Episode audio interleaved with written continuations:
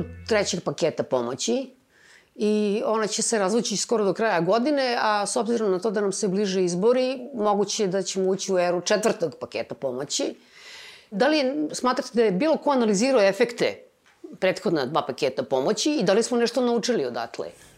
Pa, e, da kažem, još uvijek nema dovoljno podataka da bi se uradile pouzdanije analize i nije baš moguće ni uraditi analizu na osnovu podataka za jednu zemlju. Postoje recimo neke e, procene, neke, da kažem, simulacije na osnovu podataka o planiranim rashodima za svet u prošloj godini i one pokazuju da su fiskalni monetarni stimulansi značajno uticali na ublažavanje efekata pandemije koja je bila prošle godine. Da nije bilo tih, e, da kažem, posticaja od strane vlada i centralnih banaka, kriza bi bila znatno dublja i duže bi trajala. Mnogi procenjuju da bi ona po dubini bila slično onoj krizi iz 30. godina prošlog veka. Dakle, na nivou celog sveta praktično većina zemalja je značajno povećala fiskalne deficite, pomogla je privredi i stanovništvu i značajno je, da kažem, povećala no, e, monetarna ekspanzija. Znači, neka najopštija slika bi bila da su ti paketi, da kažemo, ostvarili neki svoj osnovni cilj u pogledu ublažavanja pada privredne aktivnosti, a možda i još veći efekt bio što su ublažili pad nezaposlenosti. Čak i onim zemljama koji imaju veliki pad privredne aktivnosti, a to je slučaj sa većinom evropskih zemalja, nezaposlenost je povećana za 1 ili 2 procentni poen. To je jedinstvena situaciju u dosadašnjoj ekonomskoj istoriji da veliki broj ljudi nije radio, a da nije izgubio posao veliki gubitak poslova, ali relativno kratko treba bio postoje samo u Americi, gde je tržište rada vrlo specifično, kada restoran prestane da radi, svi izgube posao, kada počne da radi, ljudi se zaposle. Tako da, znači, najopštija ocena bila bi da su ti paketi dali do sada dobre rezultate, ali će možda imati i neke loše. Javni dugovi su porasli širom sveta, monetarna ekspanzija i fiskalna će možda utjecati na inflaciju, e, moguće da su neki problemi samo odloženi, Znači da neka preduzeća koje su sačuvana kroz državnu pomoć će bankrotirati kada se okonča ta državna pomoć. Znači konače bilance e, krize i u svetu i u Srbiji možemo da napravimo tek kada ona prođe. Ovo što je sada Milojko objašnjavao, apsolutno stoji, zato što e, jedan od efekata krize, koja god da je kriza, je da ljudi manje troše. I onda samim tim izazivaju, e, da tako kažemo, domino efekat. Znači, koliko god da država potroši, ili odštampa novca pa da se nekako drugačije troši, to sprečava pad. A, međutim, pitanje je prvo, da li je Srbija potrošila proporcionalno više nego što je bilo neophodno s obzirom na to koliko je bila pogođena krizom. Srbija ima ekonomsku strukturu koja je naročito, da tako kažemo, povoljna za ovu vrstu krize. U poređenju sa jednom Hrvatskom ili sa nekim zemljama koje su mnogo uključeni, Hrvatska ima turizam i, i strašno zavisi od ugostiteljstva. Uopšte usluge zemlje sa visokim uh, učešćem usluga, to su razvijenije zemlje, zatim učešće u nekim od globalnih lanaca vrednosti i tako dalje. Kad vi uzmete naš, da tako kažemo, fiskalni potencijal, koliko će vremena biti potrebno i novca da se sad ipak pomogne najpogođenijima. I e, da su re, ti najpogođeniji relativno mala i deo privrede. Onda se apsolutno nameće pitanje, pa dobro, zašto smo ovoliko novca potrošili, a tako mali deo tog ogromnog novca usmerili na pomoć najugroženijim. I ako kažete da je, da li se nešto naučilo, e, ja mislim u poslednje vreme pomalo odjednom ide ne, neka pomoć najugroženijim i to se radi što bi se reklo ad hoc. A, na primjer, u drugim zemljama je to od samog početka jasnije usmerava. Treća stvar je, hoćete da potrošite puno, važi. Ne smatrate da treba da, poga, da pomognete više najpogođenijima, važi. Ali šta sve možete da postignete s tim novcem? Da li ga usmeravate na nešto što podiže proizvodni kapacitet, što pojačava verovatnoću da ćemo posle krize da, da bolje rastemo i bolje otplaćujemo dugove. I sve je to izostalo. Opšte je mesto da su prethodni paketi pomoći uh, bili neselektivni, kako se kaže, dakle linearno, svi, evo, često zamišljam da bi napravila dobar biznis da napravim sad kalendar, ali ne sa crvenim slovom i sveci, ono, Sveti Nikola, nego napravite kad baba dobije penzi, ovaj, pomoć, a dete koje je antivakser da 3000, mislim, to je stvarno algoritam jedna porodica mora da napravi da, da vidi šta će da dobije do kraja godine. Hoću da kažem, to linarna ta pomoć i građanima I u velikoj meri se odnosilo to i na privredu. Kad kažete najugroženiji, ajde samo malo da to bliže definišemo. I da li se to nešto u ovoj trećem paketu promenilo i koliko? Pa, da kažem, jedna od specifičnosti Srbije koja, da kažem, potkrepljuje ono što je Kori rekla u prethodnom izlaganju, to da smo mi imali manje selektivnu pomoć i prirodi stanovništvu nego druge zemlje recimo kada su u pitanju građani, davali su pomoć građanima koji su izgubili posao ili građanima koji su inače siromašni bili i pre krize, preduzećima, odnosno sektorima koji su imali veliki pad privredne aktivnosti. Da bi preduzeće dobilo pomoć, moralo je, moralo je da dokaže da su e, prihodi opali za 10 ili 20 posto u prethodna, recimo, dva ili tri meseca u odnosu na isti period prethodne godine. Znači, ako mi možda na samom početku nismo bili spremni da se tako organizujemo, da kažem, onda bi, recimo, smo imali vremena da to tokom prošle i na početkom ove godine uradimo. I to je jedno pokušao da dokaže da nije moguće da se ovaj, dodeljuje selektivna pomoć je bio, bila tvrdnja predsjednika Srbije da je to protivustavno. Što je absurdno, jer kad god su prirodne nepogode u pitanju, uvek se dogo, pomoć dodeljuje onima koji su pogođeni tim. Bilo su u pitanju poplave, zemljotresi ili epidemije, recimo, znači oni koji su pogođeni trebali bi, trebali bi da dobiju pomoć. Drugi problem koji ste pomenuli je možda realni. Znači, uvek treba otvrditi neku granicu. Tako da ljudi koji imaju dohodak manji od te granice imaju pravo na pomoć, a koji imaju više imaju, e, nemaju pravo na, na tu pomoć. Iako će uvijek biti, kažem, e, dilema, možda i nepravde, zašto neko ko je malo iznad granice nije dobio, a neko ko je malo ispod je dobio. Ali tako i kad se dodeljuju studentski krediti, socijalna pomoć za siromašne, dečiji dodatak ili slično, znači taj problem prosto neko moramo, mora neko da mora da, da se naljuti, neko će biti malo iznad granice, neko malo ispod granice, to nije moglo se izbegne. E, ja mislim da Milojko tačno sada upućuje na taj, znači populistički nećemo da, da nekog naljutimo, a ima još jedna stvar koja ja mislim da strašno neproporcionalno učestvuje u razmišljanju o politikama u Srbiji, a to je da slučajno neko ko je iznad granice ne slaže, pa ipak pređe ispod te, te granice, pa je zloupotrebio, ili, na primjer, to je meni naročito kod, kod ovog pitanja kreditiranja malih i srednjih preduzeća.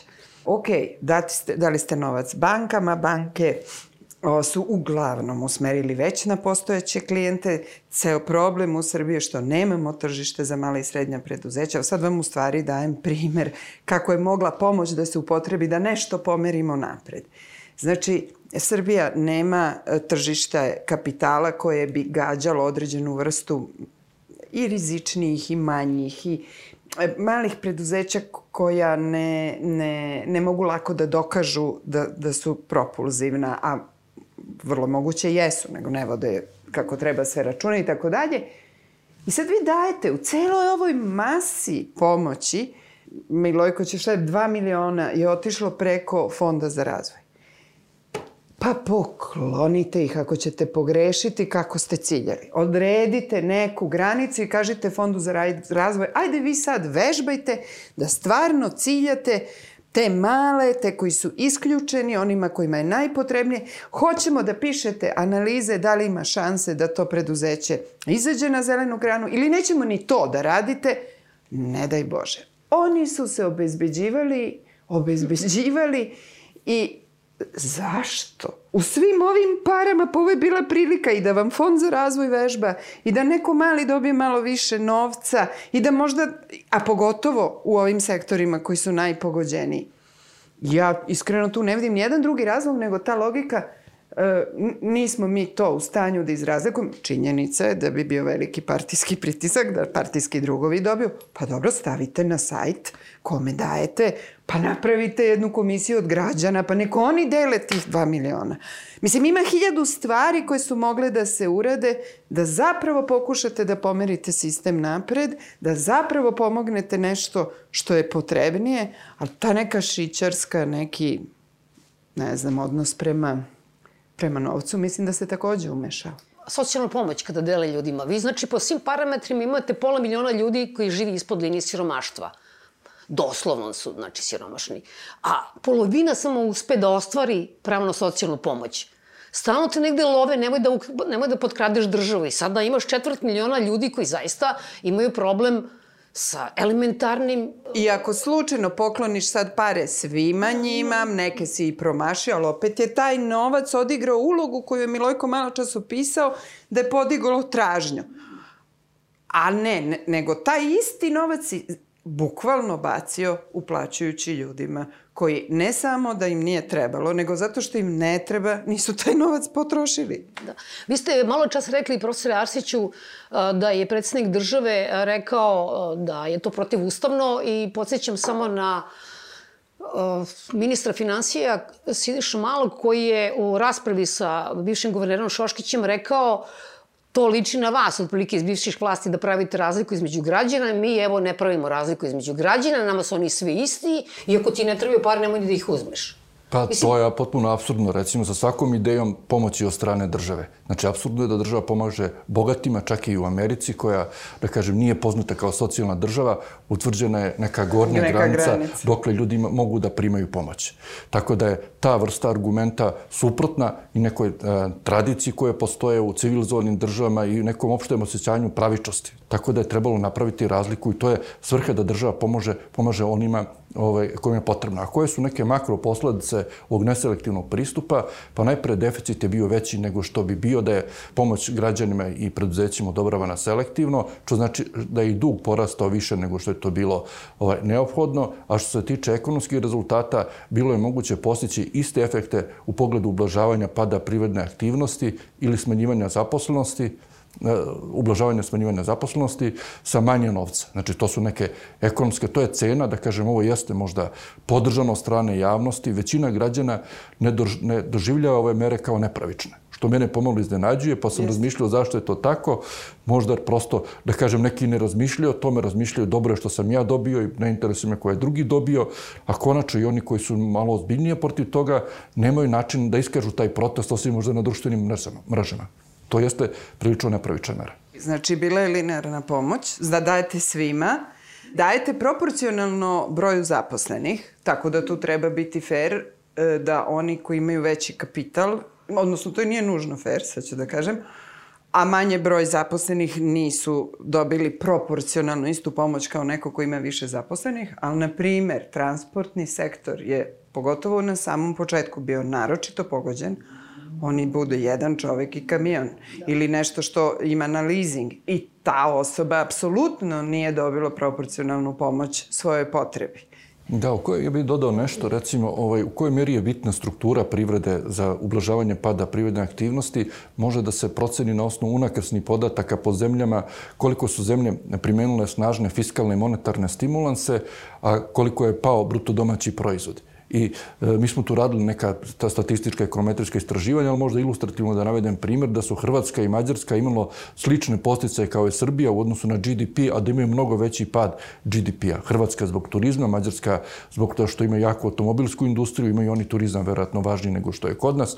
Znači, važna je struktura privrede, recimo, prosto niste mogli da sprečite tako. I drugi stvar što su imali relativno blage epidemiološke mere u većem delu godine. Znači, mi smo imali rigorozne u, uh, Pre-rigorozne. Pre, pre, u aprilu i delu maja, ali posle toga su bile mnogo liberalnije u odnosu na većinu evropskih zemalja.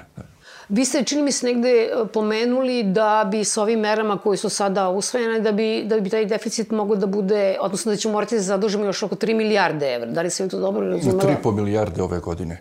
Znači, pošto ove godine zaduživanje bi trebalo da bude približno jednake deficitu, ili nemamo neke velike rezerve s kojim smo ušli ovu godinu, za razliku od prethodne godine, kad smo iskoristili oko 500 miliona evra koje smo dobili od koncesije za Beograd. Nešto je od komercijalne banke potrošeno prošle godine, možda je nešto i preneto za ovu godinu, znači od, približ, od prilike koliki bude deficit, toliko ćemo se zadužiti u toku ove godine. Sada je planirano da deficit bude 7% GDP-a, znači oko 3,5 milijarde evra. Naravno i tu uvek postoji mogućnost da se ne realizuju neki rashodi, to se kod nas najčešće događa sa investicijama. Znači da se potroši manje sredstava, ali može će nešto drugo da iskrsne, da se povećaju plate pred kraj godine ili nešto drugo, tako da najverovatniji će deficit biti toliki. To znači da će javni dug u apsolutnim iznosima da pređe 30 milijardi evra, da ćemo preći 60% bruto domaćeg proizvoda, što je visok dug, ali još uvijek nije rizičan u smislu da postoji relativno velika verovatnoća krize javnog duga.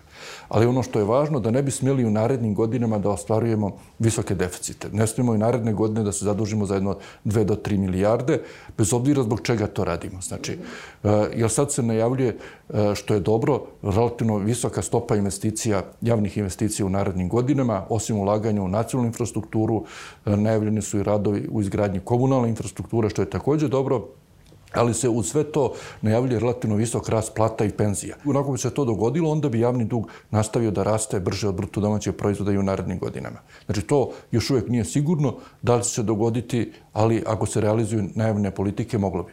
Ali ja mislim da je to u izvesnoj meri zato što vlast zapravo veruje da će stopa rasta biti i više nego što je ugrađeno u, u da tako kažem, finansijski okvir? Šta, šta pa ja mislim da je, da je i to recimo i da računa na, na vrlo niske kamatne stope. Sad su kamatne stope i za Srbiju niske, za druge zemlje još niže.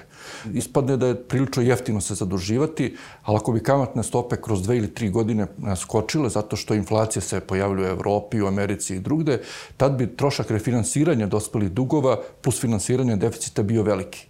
Tako nešto se slično dogodilo 70. godina prošlog veka, kada je u vreme kad su postojali jeftini petrodolari, došlo do masovnog zaduživanja mnogih zemalja, uključujući bivšu Jugoslaviju. Onda kad je Reagan došao na vlast, podigo je kamatne stope, odjednom te zemlje nisu mogle da refinansiraju te dugove i mnoge su upale u dužničku krizu. Sad su male šanse da se tako e, nešto dogodi tim intenzitetom, ali u blažoj formi je moguće. Znači, moguće da će na razvijene zemlje pustiti namjerno da inflacija bude relativno visoka, da malo obezvrede svoje dugove. Recimo i Amerika, i Italija i jer, jer zapravo neko vreme. Tako globalno da se, ne. svima strašno će da poraste zaduženost. I ja moram da kažem da kad bi dug bio problem, ja bi bila malo manje zabrinuta od mnogih od naših kolega, mojih naših kolega, jer, jer da, Srbija tu ne izgleda super u odnosu na, recimo, nove članice Evropske unije sa kojima se obično poredimo, u odnosu na celokupni svet u razvoju i tako dalje, nije to toliko još uvek kritično. I plus, pomalo mislim da ima šanse da privredni rast bude e, e dosta visok. A to je zato što je e, konačno ta srpska stagnacija ekonomska koja je dugo trajala. Mi smo kasno došli na, da tako kažemo, tranzicijonu scenu. 2000-te su pare, da tako kažem, već bile podeljene i otišle uglavnom u, u istočne zemlje. Pa dok smo mi pokušali da pokažemo da više nismo ono što e, pa, pa smo onda ubili premijera, pa su svi opet promenili mišljenje da li smo mi rizični i stabilni ili ne. Pa onda, znači, to se vuklo E, umeđu vremenu su se istočnoevropske zemlje do te mere razvile, a i Kina, oni su ti koji su nam konkurisali za kapital, da sad kapital dolazi iz tih zemalja. I dešava se jedno restrukturiranje globalno, gde se sada regioni globalni nešto zatvaraju. To, to većini zemalja ne ide na ruku, a nama ide slučajno. Znači, došlo je naše vreme. Već duže vremena region je stabilan i sad smo mi privlačni za investicije i među vremenu takođe izgradili smo ovu malu privredu, kako se ona nekada zvala, stabilizovali smo makroekonomiju, deo e, stagnacije u rastu prethodnih godine bio jer se radilo na zatezanju fiskalnom koje je bilo neophodno, e sada se za to, e, da tako kažem, naplaćuje dividenda, beru plodovi.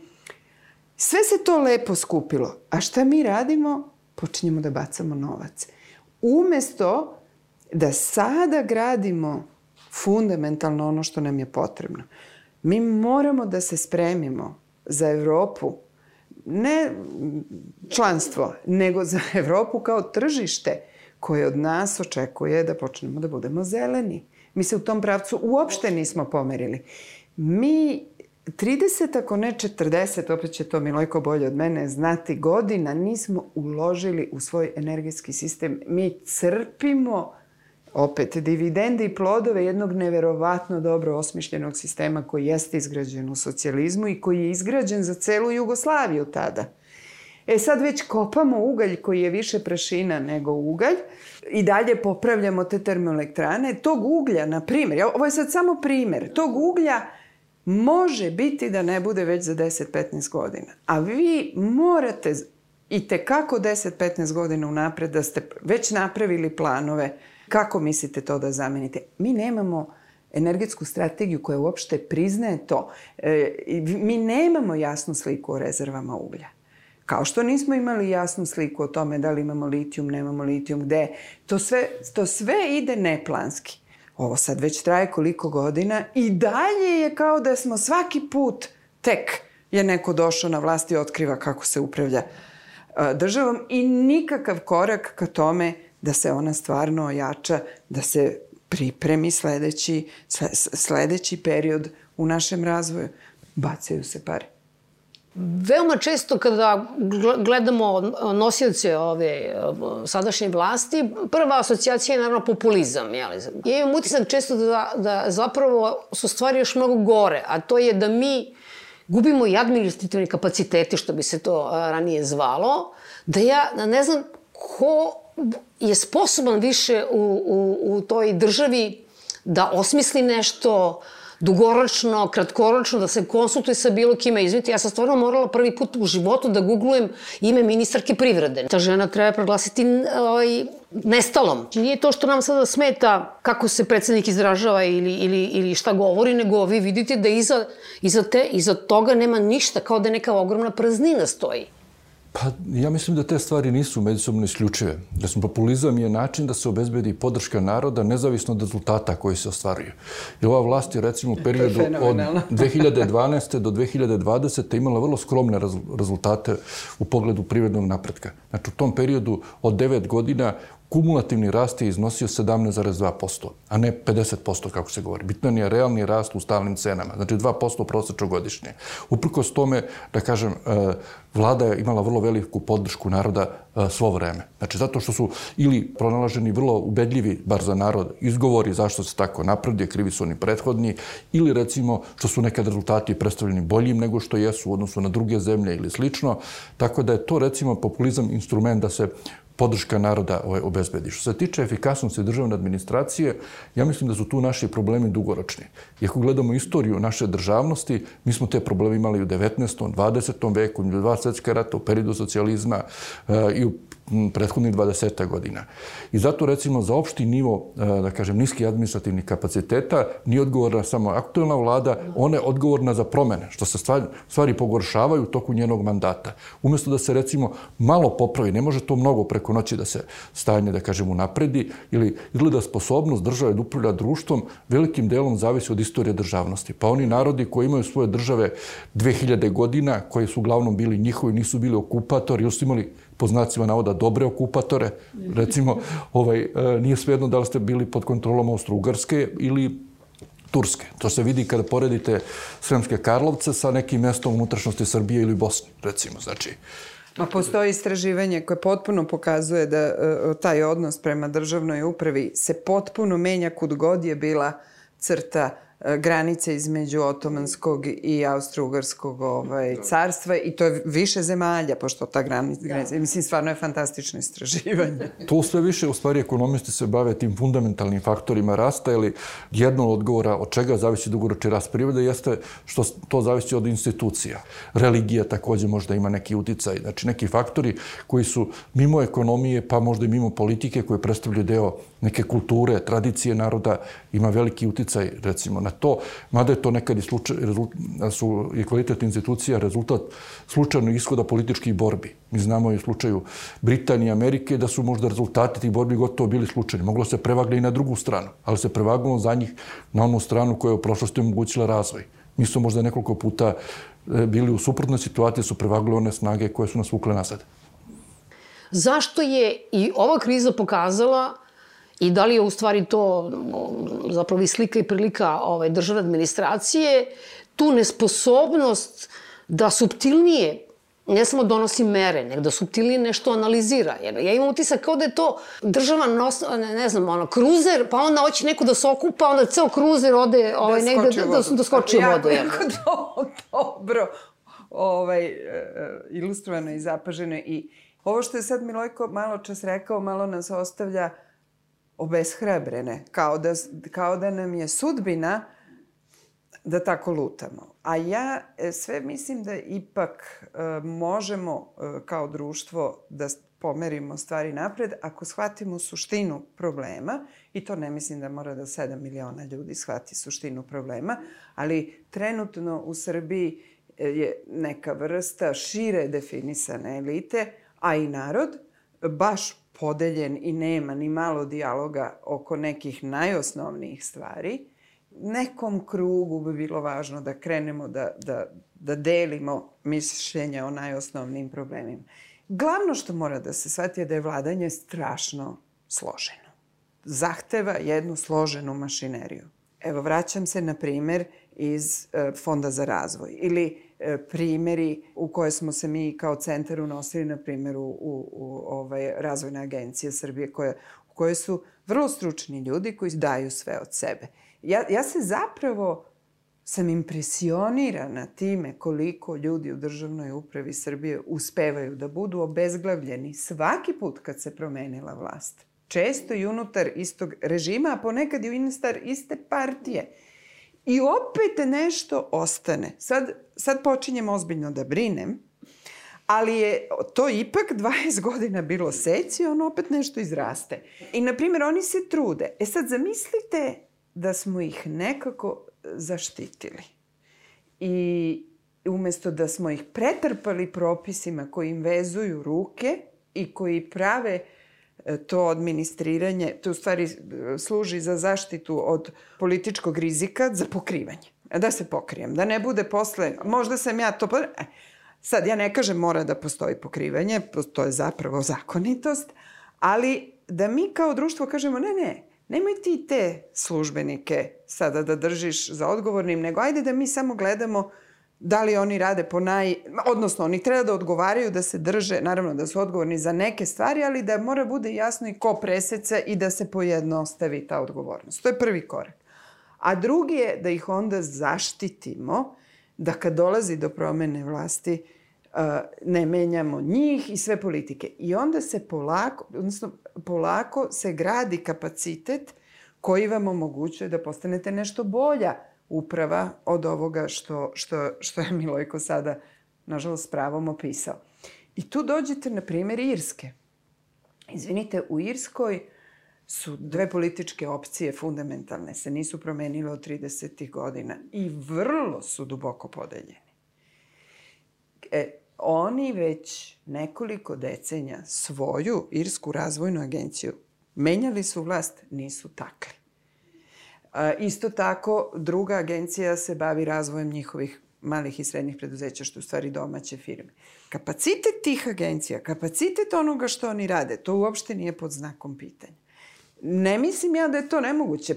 U Americi je postojao takozvani e, Civil Service Reform Movement oni su imali jako korumpiranu administraciju. Jadan Lincoln se baš mučio da i, i izađe na kraj sa građanskim ratom, sa korumpiranim, menjao je nekoliko ministara financija dok nije konačno doveo nekoga koji je bio dovoljno pošten da može s njim da radi. Znači, i, i, i to je narodu puko film. I oni su rekli mi hoćemo zaštitu državne uprave. I to je postao ozbiljan pokret i poklič. I što kaže taj istoričar koji to pisao, kaže danas je to nama nezamislivo.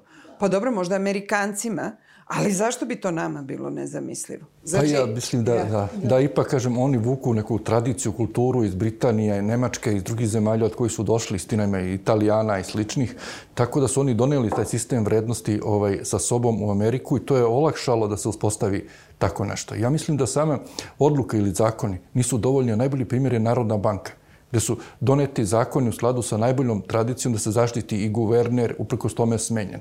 Pa onda po dubini su smenjeni gotovo svi ljudi. I narod to ne zamera vlasti. Daliko, e, to recimo, je, to je to. to. Zato kažem, to su dublji, da kažem, ovaj, uh, uverenja koje postoje u narodu, da je normalno ako neko dođe na vlast da sve kontroliše, pa i Narodnu banku. Šta su oni posebno, zašto ne bi mi promenili i postavili svoje? Znači, pomoćnike ministra, pa i načelnike, pa vlast služi da se naši partijski drugovi, prijatelji, komšije, zemljaci, ne znam nija, postave na važne funkcije. Veliki deo naroda ima duboko ukorenje na takvo uverenje, ja mislim da reformisti to pocenjuju i zato su reforme moguće, ali vrlo teške, znajući, treba ipak da znamo kako ljudi razmišljaju, kako doživljavaju vlast, zašto služi država. Čini mi se da, zato čini mi se da sam malo pesimista kad se toga tiče. Prethodne reformske vlasti kao da su površno gledali na to. Kao to, otprilike, lako ćemo, nisu dovoljno uvažavali te teškoće, probleme i kako da narod menjaju kroz edukaciju, kroz obrazovanje, u doslovni škola, recimo, znači, da ovo, to, to je trebalo kroz medije, znači, taj problem je pocenjivan, čini se. Pa, ja mislim da si u pravu. Nešto je pocenjivan što nisu obrazovali narod. Ne, ne obrazuje vlast često narod. E, nego što se te zakoni donosili tako što smo prepisivali druge zakone, umesto da vi razgovarate sa nekim o tome kakav mu zakon treba. E, kada ti usvojiš zakon za koji se neko borio, onda kada on prekrši taj zakon, onda imaš problem. I tu je ključno pitanje nekako dovesti do toga da je ljude briga da li ti poštuješ zakon. Neće ga. Ovo kako mi sad pričamo pravna država, to, to ne znači ništa nikome van jednog vrlo uskog kruga ljudi. Međutim, moji interesi, glaso sam, ušlo se u skupštinu, izglasalo se da će oni biti zaštićeni tim i tim pravilima ponašanja, pa ih onda svejedno kršiš, e to onda postaje problem. I tu se sad vraćam, možda je moj primjer o civil service reform nije prva stvar na koju bi moralo da se ide, ali ja mislim da je tu u stvari jako važno i da mi razvijemo nekakvu, da tako kažem, srednju klasu i buržuaziju u krajnjoj liniji koja će da se bori za svoje interese i za nekakva pravila igre koja se onda ozakonjuju pa se onda tera vlast da se drži zakona. Jer kod nas kada vlast prekardaši, u smislu onoga do čega je ljudima jasno i stalo, oni to iskažu. Ova činjenica što je konačno tržište rada postaje zasićeno u Srbiji. Nije još i može mnogo da se urede da se popravi struktura, ali što više nemamo masu očajnih nezaposlenih ljudi kao ranije, da to jako menja tu situaciju. Zato što je dokle god ste imali tako veliki procenat domaćinstava toliko u tako teškoj situaciji, glavno je bilo daj mi posao. I ako je partijska država ta koja će te zaposliti, to je jedino do čega ti je stalo. E sad se postavlja pitanje gde radim, šta se dešava s mojom firmom, kako stvari napreduju i, i to će jako, mislim, nadam se, opet treba na tome da radimo kao nekakvo civilno društvo, da to može onda da počne nešto da menja. Stvara se stalno zabuna, to je, evo, najmanje je pao GDP, evo, rastemo, evo, ne znam šta se sve dešava. Međutim, prvo, ljudi najčešće ne vidi kakva je to dobit za njih, jeli? Mislim, pitanje preraspodele je užasno važno u svakoj zemlji, pa naravno i ovo, i pogotovo sa tako ogromnim razlikama u dohodku, ogromnim razlikama regionalnim i tako dalje. Šta je sa pitanjem razvoja? Mislim, mi se ponašamo kao da preko sutra ne postoji, kao da je budućnost neka neproverena glasina. Pa rast i razvoj ne mogu dugo da idu različitim putanjama. Znači, oni su međusobno uslovljeni, mi možemo da dostignemo možda do srednji nivo dohodka, što govora, odgovara platama od 800-900 evra otprilike, ali ako ne bude umeđu vremenu napravili napredak u oblasti obrazovanja, u oblasti zdravstva, poboljšali institucije, unapredili infrastrukturu, životnu sredinu, ako ne budemo uspostavili takav sistem u kome će privreda biti sposobna da e, efikasnije usvaja i kreira inovacije, onda ćemo se tu zaglaviti. Imamo dosta primjera zemalja koje su tako u prošlosti e, prolazile. Znači, često smo u prošlosti čuli za neku latinoameričku zemlju da je zvezda, Peru, Argentina, ide deseta godina, onda doživi neki krah.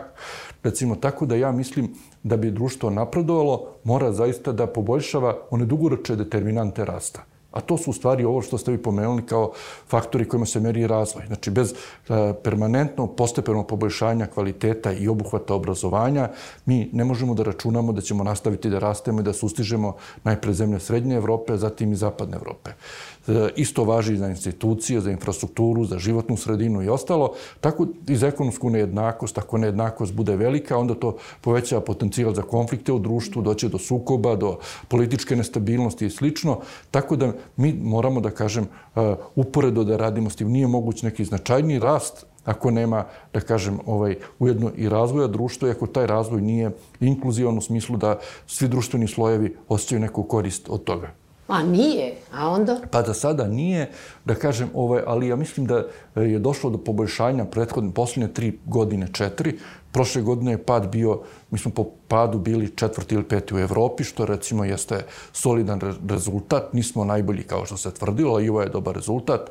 I bili smo nekoliko puta i prvi, jednom prvi u Evropi pred 2008, jednom drugi, jednom treći, jednom četvrti. Znači, tad smo bili, da kažem, e, među najzemljama koje su najbrže rasli među, rasli među 2001. i 2008. Sad se taj period predstavlja kao najgori period u našoj ekonomskoj istoriji. Čak se e, za sve one probleme koje su 90. godine u ekonomiji izazvale, optužuje taj period pred dolaska SNS-a na vlast. Znači, iako je naša privreda doživjela slom tokom 90. godina prošlog veka, tad su propala velika društvena preduzeća, a ne posle 2000. Onda kad su sa relativno zastarlom tehnologijom s kojom su ušli u 90. 10 godina bili bez investicija, napustili su najvažniji kadrovi, dosta radnika otišlo u penziju, izgubili su tržišta, većina njih nisu mogle da se vrate e, u ekonomiju i dokaz da je to tako jeste što su razne vlade koje su otvrdile da će oni da osposobe nisu uspele. Prvo je Demokratska stranka Srbije tvrdila da Demokratska stranka ne zna to da radi, pa je onda i G17 plus to tvrdio, pa na kraju i SNS tvrdio, na kraju su otišli za vreme SNS-a u stečaj, iako oni nisu krivi za to. Neka krivi su zašto je otišao FAP u stečaj, 21. maj, rekord, ne znam, nija, razniti veliki sistemi, otišli su zbog ono što je dogodilo 90. godina. I ove godine i prethodne godine nije tako bio loš privredni rast, a zapravo dešavao se u nekim delovima E, Srbije koje bukvalno, ja mislim da nas troje ne vidimo. U pitanju je jedna vrsta malih i, i, i srednjih preduzeća u Srbiji koji sad prosto rastor je prošlo 20 godina od 2000-te. To se, to se kumuliralo. Mi smo gledali u našim statistikama kako vi iz prve niste mogli da vidite u izvozu izvoz tih malih i srednjih preduzeća ali kada ga izdvojite, vi vidite da on stalno linearno raste i danas je on nekoliko milijardi um, evra i neki od tih preduzeća više nisu mala, ali su neko srpsko uh, uh, glasačko telo, građani i tako dalje. Ali ja bih u stvari da se vratim na to pitanje razvoja i, i, i rasta. Ja mislim da je najbolje da definišemo razliku da je rast uh, e, nagomilavanje nekakvog ukupnog bogatstva, bez obzira da li ono ostaje u zemlji ili ga neko stavlja u švajcarske banke ili ga iznosi, dok je razvoj i razvijanje ljudskog potencijala. E, sposobnosti ljudi, što većeg broja ljudi, da ostvari sebe ne samo ekonomski, ali svakako ekonomski, već i ljudski. I mislim, za razliku od Milojka, da to može i duže da rast, da se razlikuje, možda ne može fenomenalan rast da bude bez da nešto razvija te ljude, ali zamislimo samo taj rudnik litijuma.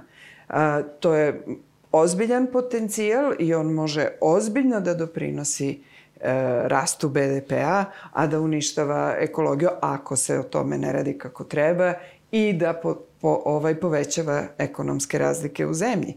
A, tako da moramo da vodimo računa o toj razlici na dugi rok. I to je stvar na neki način izbora modela rasta.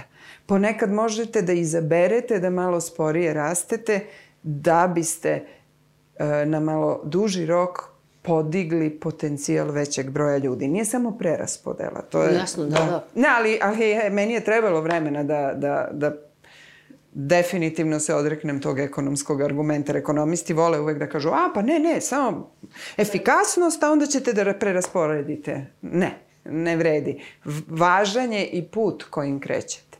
Mene zanima kako je moguće iz tako jednog toksičnog koktela, velikog siromaštva, velikih dohodovnih razlika, velike zapuštenosti ogromnog dela Srbije, depopulacije, odlaska u inostranstvo, sve lošijeg obrazovnog sistema. Kako je moguće očekivati onda da, ne znam, na srednji ili duži rok ovde postoji nekakav razvoj. Tako pa ja mislim to... da se neke stvari popravljaju, recimo. Znači, mm. primjer, infrastruktura što se gradi, to je dobro to recimo stvara potencijal da se smanje regionalne razlike. To je jedan od faktora, recimo, od koga zavisi ulaganje u bilo koji deo zemlje, da imamo dobre puteve, da imamo gas, da imamo pouzdano snabdevanje električnom energijom.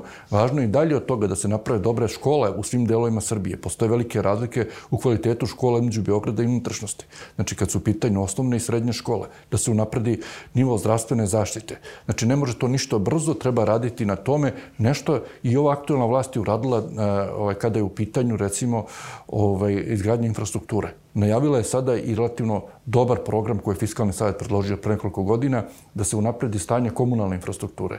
Ja mislim da možda nije dobro što to nije urađeno na sistematski način, da se od samog početka od ceo projekat uvuku i lokalne zajednice, da one učestvuju u delom financiranju. Jer ako one ne budu učestvovali u tome, pitanje kako će oni to prihvatiti i održavati. Možda kažu, vi ste to napravili, vi to održavajte. Tako da recimo... E, i neće se prilagoditi potrebama. To je glavni problem. E, izvini, to, to, u, mislim da želim da jako podvučem to što si rekao.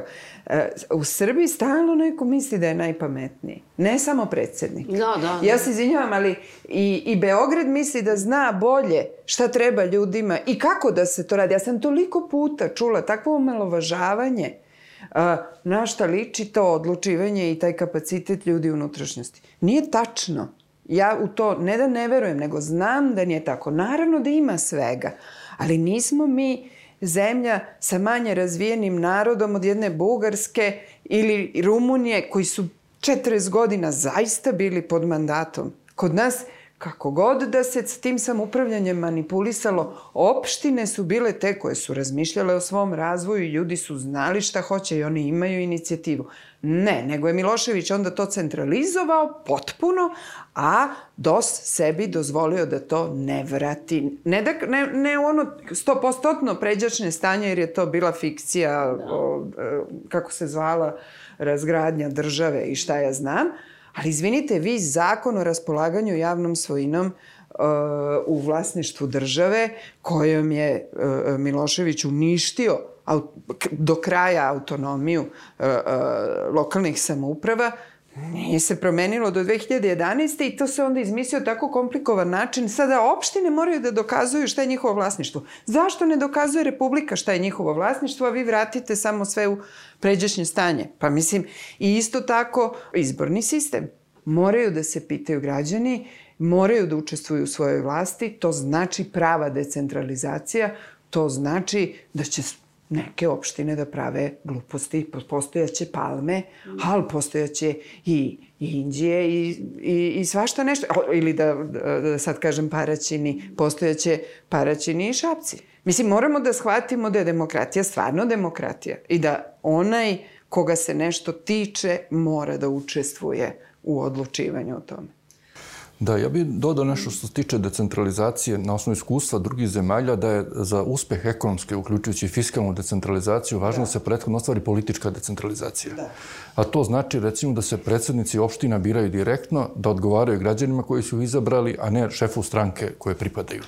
To istovremeno je važno da se promeni način izbora za parlament Srbije Znači da se veći broj poslovnika bira e, na direktnim izborima i da predstavlja neke građane iz neke opštine ili dve opštine. Znači tako da to bi pojačalo njihovu autonomiju e, u odnosu na stranku, u odnosu na predsednika stranke, a istovremeno bi, da kažem, e, učvrstila njihove veze sa onima koji glasaju za njih. Te promene bi recimo pomogle da, da kažem se, lakše sprovodi ekonomska decentralizacija kasnije u sve ovo drugo što bi uradili. Zašto ovo drugo što ste pomenuli oko centralizovanog sistema, Pa takav sistem relativno dobro funkcioniše u vanrednim okolnostima. To se vidjelo oko, recimo, pandemije, kad smo bili uspešniji od drugih u, recimo, nabavljanju vakcina, recimo, ili u nekim drugim vanrednim okolnostima. Međutim, pa i sama vakcinacija, pa i sama vakcinacija. gde si prezupčio ceo sistem. Da, da, to je ad hoc. E, Sve šta je problem s tim? Jeste ad hoc. Što, recimo, da kažem, takav način upravljanja društvom zavisi od liče sposobnosti pojedinaca. Da bi on dobro funkcionisao u dugom roku, on bi morao da bude sposoban kao Bog, a nije. Niko. Čak i ako je vrlo sposoban i ako nekako funkcioniše za vreme nečije vladavine, postavlja se pitanje šta će biti posle njegove smrti ili posle odlaska s vlasti. Mi imamo primjer careva koji su recimo u istoriji vrlo uspešno recimo vodili carstvo u nekom periodu, posle njihove odlaska odjednom dolazi do urušavanja. Zato je važno da sistem ne zavisi od pojedinca. Ali ja tu hoću da naglasim nešto što mislim da je baš važno, a to je e, E, diktature kao što su Južnokorejska bila, kao što je Kineska, one imaju sistem. Zna se ko je na vrhu, ali ne možete vi sami da pomerate stvari, čak ni u kratkom roku. Ja, mnogo, vrlo ozbiljno. Ja mislim da je važno da imamo na umu da to što se stvari u Srbiji kreću, to je zato zbog ovog sklopa okolnosti o kojem sam ja pričala. Ja zaista ne mislim, ok, rešenje e, za vakcinaciju je bilo brzo, rešenje da se ubrzaju strane direktne investicije tako što se dođe kod predsednikovog kabineta za velike investicije jeste bilo bitno u jednom trenutku, tada kad je postojala paraliza posle promene vlasti, kad još uvek nije počelo da ovo ozbiljno interesovanje krene za Srbiju. Ali to su dometi.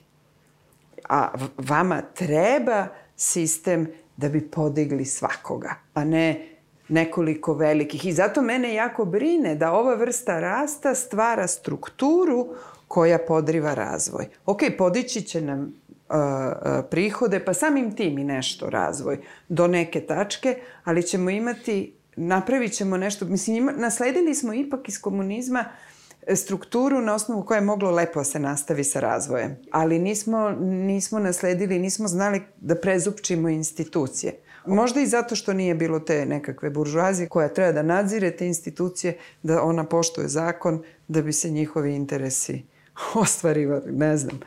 To mi pada na pamet e, Erdogan, recimo. Je. Imate jednog e, onoga, sultana, je tako? Ali ta privreda koja je napravljena tamo, jedni su mu rekli u Istanbulu, ovi na kapali čarši, dosta više s tobom. Vi tamo Jedna imate moćan kapital, moćan kapital, a on vodi upravo njihova mala i srednja preduzeća. Krupni kapital je bio za evropske integracije. Evropa im je otežala pokazala da neće lako da ih primi, a s druge strane Erdogan je došao sa islamskim kapitalom i, i on mora njih da, da poštuje, a opet postoje sve te snage. Vi ste sad to u stvari ilustrovali ovo o čemu ja pričam. Ne možete baš sistem samo da crtate. On se gradi na osnovu realnosti na terenu. A mi smo, nažalost, pokušali predugo da ga samo precrtava. Postoji dosta istraživanja oko toga koliko, su, koliko je demokratija bitna za vlast. Ispostavlja se da ona nije neophodna, da su važne recimo jake institucije. To su upravo primjer daleko istočnih zemalja. A šta to podrazumete pod institucijama? Znači, ima razlike, važno administracija, je da Znači, da, da je ja, kompetentna, posvećena i relativno malo korumpirana državna administracija. Da se pravila i propisi koji se kreiraju nekom a, nivou dosledno spromene. Da im postoji tradicija dobrog planiranja privrednog i društvenog razvoja. Primjer, zato su i Singapur, Južna Koreja, Kina, svi de facto oni vode poreklo od jedne te kineske kulture. Znači u Singapuru su bili i po tome se oni razlikuju recimo od nas što imaju dugu istoriju državnosti i relativno dobru administraciju u carskom periodu. Verovatno i Turska ima recimo ima imperijalno nasleđe. Recimo to donekle utiče... I, apsu, oni, recimo, otomani su imali da, jako ozbiljno državno. Koje su oni nasledili od rimskog carstva. De facto recimo znači organizaciju, dosta ideje su preuzeli. To su recimo neke njihove prednosti što u stvari naše, naše problem što mi nemamo tu tradiciju kao neke druge autokratske zemlje, nego dosta se vlada kroz improvizacije, ad hoc rešenja, u nekoj meri to može da funkcioniše i neke međunarodne okolnosti nam idu recimo na, na ruku, poput recimo vrlo velike ponude kapitala koja recimo postoji u svetu, onda činjenice da smo mi najmeni razvijeni deo Evrope, a da smo opet bolji od neposrednog okruženja, od Bosne, Crne Gore, Albanije, Makedonije, a od uvek smo bili razvijeni od njih. Znači, pre 100 godina mi smo bili razvijeni od njih, mi smo bili manje razvijeni dosta od Mađarske ili Poljske ili Češke, njih smo bili sustigli pri kraju socijalizma. Pri kraju socijalizma smo ih bili sustigli. Ne Češku, prilike, ali Mađarsku. Da, Mađarsku recimo, znači bili smo, što je sad 90-ih mi smo se vratili na slične odnose kakve su postojili pre Prvog svetskog rata po nivou razvijenosti. Kada su u pitanju opet kratkoroče neke perspektive, ja mislim da Srbija nema neke vidljive, neke kratkoroče opasnosti. Pre bi moglo da se pojave u svetu neki problemi, nizvesno da će to biti, da li će ova kriza dovesti do velikih problema sa, uh, u preduzećima, bankama, zbog rasta njihovih dugova, znači dugovi preduzeća rastu širom sveta, a privredna aktivnost u mnogim zemljama značajno pala. Znači, da li će dok to doći do masovnih bankrosta? Ako se to dogodi u nekoj velikoj zemlji, pogotovo ako bi to bila zemlja naš partner poput Italije koji ima veliki javni dug, tamo rastu i privatni dugovi. Sad, pitanje je kako će to zemlja, kako će da se upravlja tim, da li će namjerno pustiti neku inflaciju da se ti dugovi obezvrede. A mislim, kada je u pitanju duži vremenski period, da je osnovni rizik za nas da, da kažemo, ne možemo ovaj, na ovakav način uh, u dužem periodu uh, raste. Duži period, mislim da je to recimo uh, duže nešto od 5-6 godina. Znači, 5-6 godina sigurno možemo i ovako da stavimo. Mislim da je jako važno da oni koji žele nešto drugačije shvate da se to neće u Srbiji dobiti samo izborima. Ja se slažem i sa političarima, to Zoran uh, Živković voli da kaže kao pa ne, pa samo, samo se kroz politiku nešto menja. na vlast, ne možeš vladanje. Tačno, ali opet se vraćamo na to, a šta postavlja granice tom vladanju? Jer zadatak vlasti demokratske je da ostane na vlasti. A naš građanski zadatak je da im kažemo, ako radiš to, nećeš ostati na vlasti. Mi se kao građani, pogotovo opet elita, ne angažujemo dovoljno. Ali meni se, meni je ohrabrujuće što vidim da se zapravo budi aktivizam. Nije baš tačno da nas je toliki strah kad su interesi u pitanju. E, sada, e sad je na, na, na, na nama da to krenemo da gradimo u nekakvu društvenu svest. Ja moram da kažem, meni je bilo strašno, ja sam tu tada ipak još uvek sebe možda ni neopravdano doživljavala ako neko ko je došao s polja i nisam se još dovoljno angažovala i tako. Pa zašto je B92 privatizovan i postao ono što je postao? Izvinite, ako celokupna elita Srbije nije u stanju da skupi dovoljno novca, da na neki način pomogne uz sve ono što je B92 mogao da nastavi da dobija neka sredstva, da ima nekakvo, nekakvo glasilo, pa onda gde je problem. E, mnogo, mnogo čekamo da nam tako glasajući i neko s polja, te Evropa će, te ne znam nijako, rešavaju probleme. Mi moramo da rešavamo te probleme. I ja bi baš da, da kažem da, da, da nije tačno da ne možemo i da je meni primjer, ovaj, u nekom trenutku ste bili spomenuli poplave. Mm. E, ja sam bila u sred tog, tog primjera i tu sam imala prilike da se uverim koliko je E, duboka ta onesposobljenost države u trenutku promene vlasti, zato što iako tu postoji neka uprava koja nešto zna, e, ceo sistem ne funkcioniše tako što ta uprava radi bez političkog mandata. Njima treba politički mandat, tako je sistem postavljen, čak i za stvari koje su zapravo treba da su samo stručne. Ali s druge strane, bilo je dirljivo, ta ista uprava kad govorimo o njima kao pojedincima, a i narod. Pa stvarno smo se mobilizovali. Bilo je zaista impresivno i nije tačno da smo narod koji zaslužuje ovakvu vlast. Ja stvarno mislim da je potencijal tu, ali da moramo nekako da smislimo kako kroz, kroz rad i povezivanje da, da izaberemo šta je najvažnije, na šta se fokusiramo i to tražimo od vlasti. Ja mislim da je, u stvari, još jedno dodam, problem što u demokratijama zaista vlad se ocenjuje i ako loše radi, gubi vlast. U autokratijama to ne mora da bude slučaj. One mogu da vladaju relativno dugo, a da nemaju neke dobre rezultate kroz propagandu, pa i umereno nasilje, recimo, da sprečavaju organizacije. To je tačno, da nas to, to umereno nasilje da. nam ozbiljno preti, to je da, tačno, tako da to se ali opet je na nama da se organizujemo da informacije da. teku. Hvala vam na razgovoru, jednom i drugom. Oh.